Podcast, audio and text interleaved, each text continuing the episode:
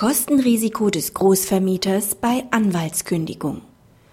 Beauftragt der Vermieter einen Rechtsanwalt mit der Kündigung des Mietvertrags, kann er die Kosten vom Mieter, Verzug vorausgesetzt, erstattet verlangen.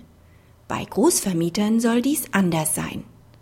In einem dem BGH vorliegenden Verfahren beauftragt die eine Vielzahl von Wohnungen gewerblich vermietende Klägerin einen Rechtsanwalt mit der Kündigung eines Wohnraummietverhältnisses weil sich der Mieter mit zwei Monatsmieten im Rückstand und also im einfach gelagerten Zahlungsverzug befindet.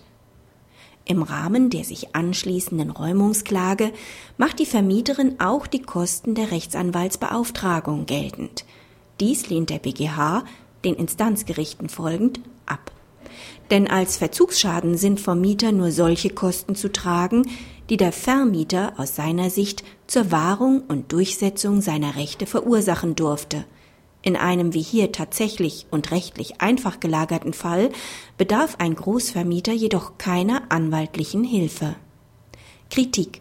Die Entscheidung überzeugt nicht.